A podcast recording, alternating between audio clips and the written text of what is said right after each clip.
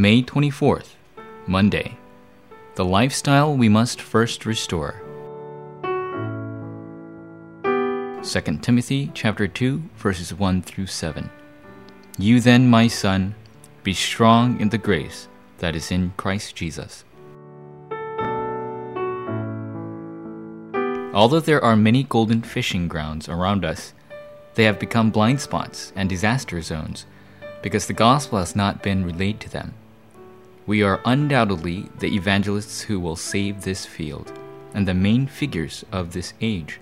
If so, what is the lifestyle we must first restore? We are the gospel elites. We must see right now as the greatest, last, and the only opportunity to make ourselves into the gospel elite and challenge in the gospel with the courage of faith. Then what must we specifically do? Number one, we must prepare the lifestyle of the elite. If we truly are the gospel elites who will save the world, then we must prepare a correct lifestyle. Only then can we heal in earnest the scars that have not been healed and our lifestyles that have crumbled. What must we do in order to compete and win over the elites of the world? We need to facilitate our spare time and the time we have in the morning and at night that we will let go to waste. We will surely succeed if we continually contact professionals to prepare our specialty and prepare the basic etiquette necessary for interpersonal relationships. Number two, what does a gospel elite look like? We must be used as elites who correctly enjoy the gospel.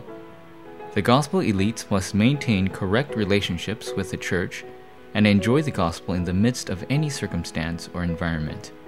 They must also be witnesses who have many evidences of the gospel and evangelists who have the eyes to see disciples. Furthermore, they must have the attitude and content of soldiers, athletes, and farmers. This is true success and those who have this are the gospel elite. Number three, identity of self. We must have a defined self identity. We must have the assurance that we are remnants who will relay the baton of the covenant to the next generation and evangelism disciples who will save the world in the midst of church history. We must become people who know what happened every time the gospel was restored. As a result, we must connect with God and evangelism disciples.